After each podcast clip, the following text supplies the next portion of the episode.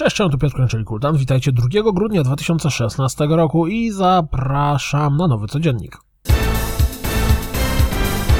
W sam raz na premierę nowego filmu do Star Wars Battlefront zmierza nowy dodatek związany z Water 1. Zobaczcie zwiastun. Pojawił się zwiastun Rising Storm 2 Vietnam, pokazujący jakie opcje personalizacji postaci będziemy mieć w grze. Zwiastunem zapowiedziano Impact Winter. Gra wygląda dość interesująco, ale strzelam, że będzie typowym rogalikowatym survivalem. Tytuł w przyszłym roku ma pojawić się na PC.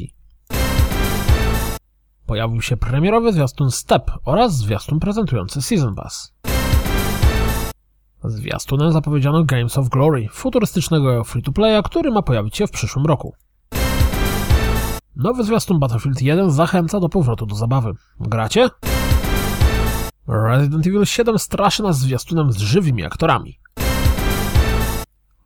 Na Twitterze jeden z deweloperów Call of Duty Infinite Warfare przypadkiem wygadał się, że pierwsze DLC do gry pojawi się 31 stycznia. No szybko skasował tweeta, no ale jest to raczej prawdziwa informacja.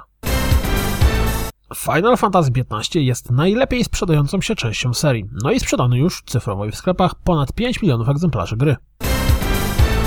Dragon Quest Builders dla odmiany sprzedał ponad milion egzemplarzy.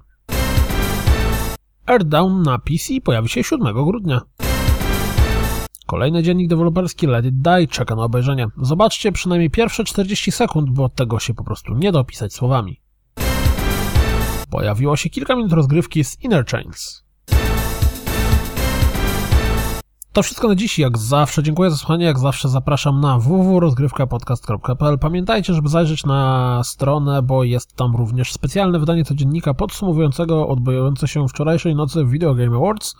No a ja życzę Wam miłego weekendu. Jeśli chcecie, to wesprzyjcie mnie na Patronite i mam nadzieję słyszymy się w poniedziałek. Trzymajcie się. Cześć!